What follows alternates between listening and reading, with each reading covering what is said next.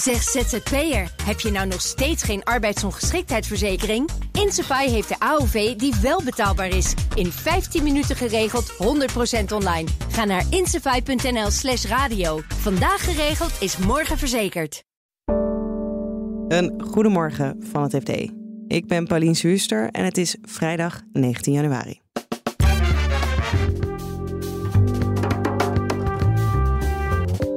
Picnic vindt dat het bedrijf niet in de CAO voor supermarkten hoort. De vakbond vindt van wel.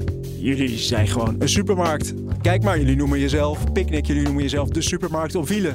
En de stikstofcrisis kan deels worden opgelost door stikstofrechten te verkopen. Maar dat heeft wel een prijskaartje. De bestaande boeren die krijgen een cadeautje, dat heb ik wel eens uitgerekend, van ongeveer 18 miljard. Dit is de dagkoers van het FD.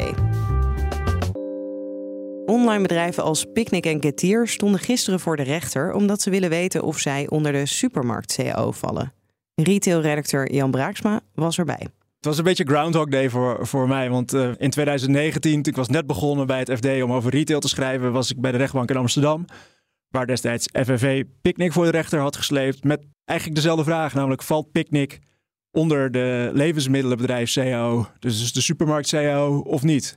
Nou, daar rolde uiteindelijk uit dat dat maar voor een heel klein deel van het bedrijf geldt. Dus voor het deel dat zich daadwerkelijk bezighoudt met ja, supermarktjes spelen, om het eh, een beetje oneerbiedig te zeggen. Dus het inkopen van spullen. En dat het niet gold voor de bezorgers en niet voor de mensen die in het distributiecentrum of in de, op de hubs werken. Dus niet voor de logistieke tak van het bedrijf. Daar, dat, leek het afgedaan, want FNV ging niet in hoger beroep. Nou, Picnic was tevreden, want die vielen er grotendeels buiten. Die hadden grotendeels een zin gekregen. En uh, Picnic zelf heeft toen een CO afgesloten met uh, de vakbond de Unie. Dus zeiden, wij willen ook onze verantwoordelijkheid nemen. We vinden dat daar een serieus pakket goede arbeidsvoorwaarden bij hoort. Met allerlei uh, budgetten en, en, en dat soort zaken. En daarmee leek het eventjes af. Tot nu. Want hoe komen we dan weer in een discussie of ze wel of niet onder dat supermarkt-CAO vallen? Ja, dat is een goede vraag. Het komt er eigenlijk op neer dat in een nieuwe CAO het, de definitie van wat nou een supermarktbedrijf is, verbreed is. Dus waar in, in 2019 het alleen ging om de BV die zich rechtstreeks bezighield met het supermarktbedrijf, dus met de, virtuele winkel, om het zo te noemen, is dat die definitie uitgebreid, waardoor ook de BV's en de, de takken die eigenlijk ja, ondersteunend of, of daaraan bijdragen, dat die daar ook onder vallen. Dus de definitie is breder geworden. Ja, en dan, dan ben je dus eigenlijk weer terug uh, bij af. Dan kom je weer bij die discussie. Val je daar dan onder of niet? En nou ja, zo belanden ze uh, gisteren bij de rechter. Want zo'n CAO, dat is dan algemeen verbindend. En ze willen eigenlijk weten, moeten wij nu ook? Ja, precies. Want ze zeggen zelf, wij zijn een e-commerce bedrijf. Dus uh, in dit geval ging het om, om Picnic, Flink, Getir en Gorilla's die daar, die daar als bedrijven stonden. Een, een, branchevereniging, e-commerce Nederland en vakbond Unie, die, met wie ze ooit die, vak, hè, die CO hadden afgesloten. Die stonden daar en die zeiden, ja, wij vinden onszelf e-commerce bedrijven. Jullie zeggen dat wij een supermarkt zijn. Nou, uh, rechter, uh, zeg het maar. Want wij uh, ze vinden dat we totaal andere bedrijven zijn. Een heel groot deel van onze medewerkers werkt aan het logistieke deel. Hè, dus of het bezorgen van boodschappen of ja, het sorteren van die boodschappen, zorgen dat ze in de goede mandjes komen en zodat ze naar de mensen toegebracht kunnen worden.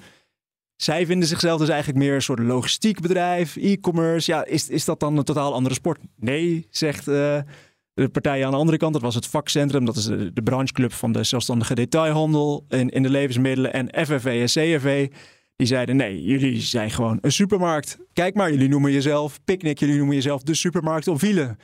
En uh, jullie zorgen gewoon dat levensmiddelen bij mensen thuiskomen. Ja, of die mensen dat nou zelf ophalen in een supermarkt. Of dat dat bezorgd wordt door iemand op een fiets of een karretje. Dat maakt niet zoveel uit. Het is allemaal een, een supermarktbedrijf dat onder de levensmiddelen CAO zou moeten vallen. En waarom zou bijvoorbeeld Picnic het niet willen? Wat is hun, nou ja, los van dat ze zichzelf geen supermarkt vinden, wat zou de uitwerking zijn? Als je onder de CAO valt, moet je aan allerlei uh, regels voldoen. Hè? Dus je moet bijvoorbeeld uh, een toeslag voor werk in de avonden en de uh, zondagen betalen. je moet verplicht bij een bedrijfstak pensioenfonds. Nou ja, er zijn wat manieren om daar onderuit te komen, maar dat is echt heel ingewikkeld. Dus ja, je, moet, je wordt eigenlijk in het keurslijf gedwongen, vinden zij, van alles wat bij een supermarkt hoort. En zij zeggen, nou ja, wij, wij willen dat niet. Wij willen bijvoorbeeld niet op zondag een toeslag betalen, want al de medewerkers van Picnic vinden het uh, normaal om op zondag te werken, zeggen zij. Maar bijvoorbeeld op vrijdagavond vinden ze het heel ingewikkeld om mensen te krijgen. Want ja, die mensen die daar werken, die denken, ja, ik kan op vrijdagavond ook lekker in de kroeg gaan staan. Dus als je dan een toeslag betaalt, vinden zij veel logischer. In plaats van die zondagen. Dus het zijn allemaal van dat soort argumenten waardoor uh, zij eigenlijk die CL ongeschikt vinden. En eigenlijk iets uit een soort vervlogen tijden die niet geschikt is voor het type bedrijf dat zij zijn. Ja, als iemand met een rijbewijs eh, voor de Albert Heijn rijdt of voor de picknick, ja, dat, dat is grofweg even duur, denk ik. Klopt, dat, dat, zal, uh, dat, dat, verschilt in ieder geval qua werk niet veel. En, en qua salaris zou, weet ik niet, maar dat, dat zal geen, uh, geen wereld van verschil zijn over het algemeen. Wat wel een groot verschil maakt, is in de stenen supermarkten werken veel jongeren. Dus mensen van onder de 18 of onder de 21. En die verdienen het jeugdloon. En dat is een stuk lager dan het loon voor volwassenen. En dus zeggen die online bedrijven, ja, eh, supermarkten, eh, jullie kunnen dat gemakkelijk betalen, want jullie betalen een 16-jarige bijna niks. Nou ja, dan betalen ze er niks, niks plus de helft. Nou, dat is nog steeds niet zoveel. Dat is nog steeds veel minder dan iemand van 18 of van 21 verdient die op, een, uh, op zo'n karretje of op een fiets door de stad rijdt. En ze komen duidelijk met elkaar niet. Uh, nee, nee, nee, het was duidelijk dat het echt. Uh, ze zaten allebei diep in hun, uh, in hun eigen gelijk. En dat, ze kwamen niet dichterbij. Dat, daar was geen enkele sprake van. En de rechter zei ook al. Volgens mij willen jullie dat ik een vonnis ga wijzen. En heeft het weinig zin om jullie weer met elkaar te laten overleggen. wat normaal gesproken nog wel eens wil gebeuren. Hè, als de, de rechter kans ziet van ja, oké, jullie zijn het eigenlijk, zijn jullie het op, op, een groot deel met elkaar eens. Kom er maar uit, dat scheelt de rechter een vonnis schrijven, dat scheelt iedereen heel veel werk. Ja. Nou ja, dat, dat zat er in dit geval niet in. Wanneer komt die? 28 februari.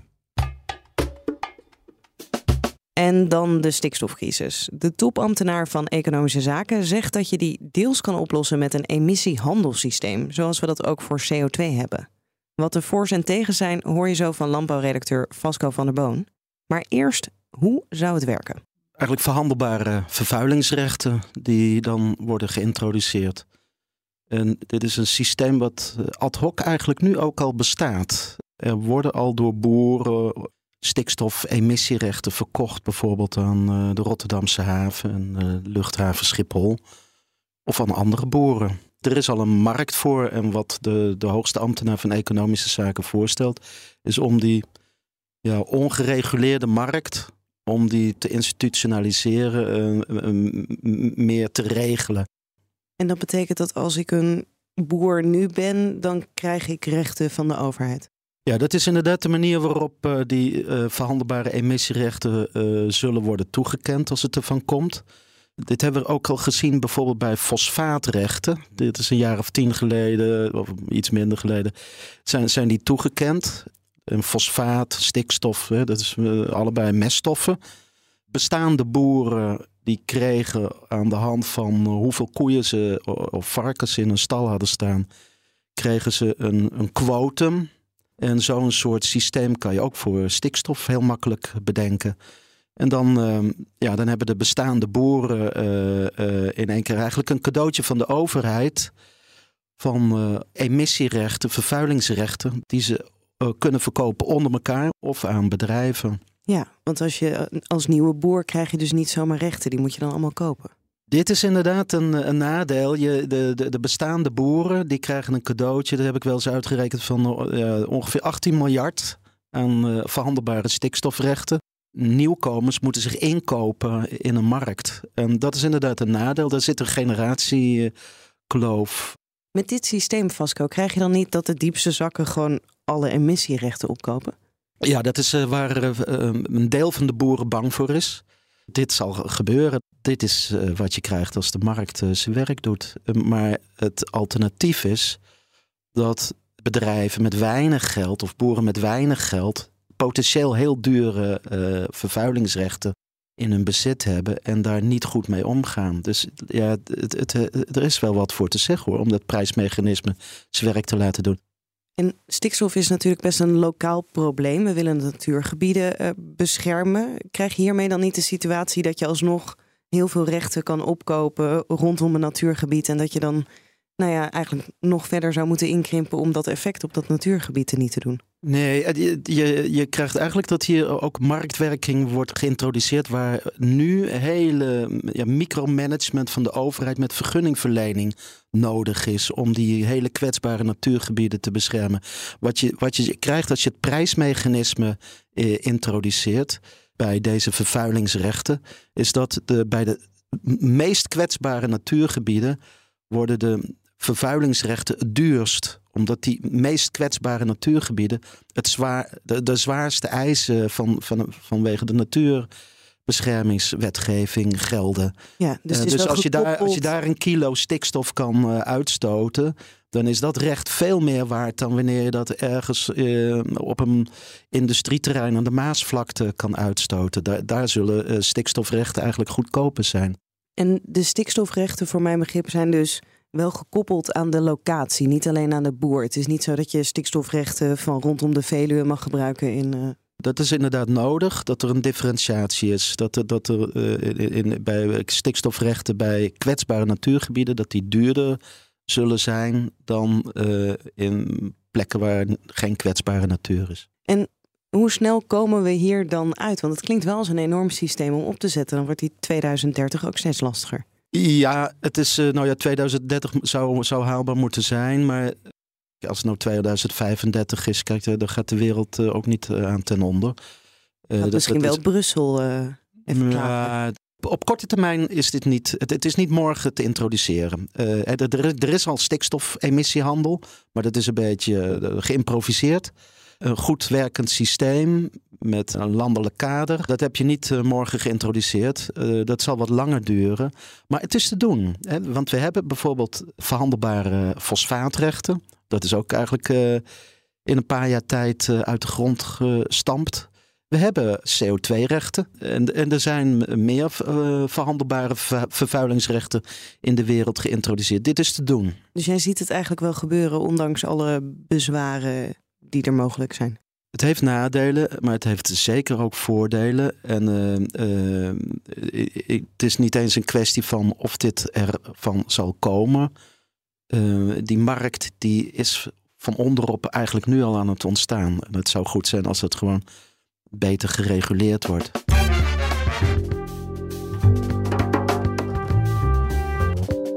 Dit was de dagkoers van het FD. Wil je onze verhalen niet alleen luisteren, maar ook lezen? Probeer dan het FD vier weken voor slechts 1 euro. Ga naar fd.nl/slash dagkoers en meld je aan. Maandagochtend zijn we er weer met een nieuwe aflevering. Alvast een heel fijn weekend en graag tot maandag. Zeg ZZP'er, heb je nou nog steeds geen arbeidsongeschiktheidsverzekering? Insafai heeft de AOV die wel betaalbaar is. In 15 minuten geregeld, 100% online. Ga naar insafai.nl slash radio. Vandaag geregeld is morgen verzekerd.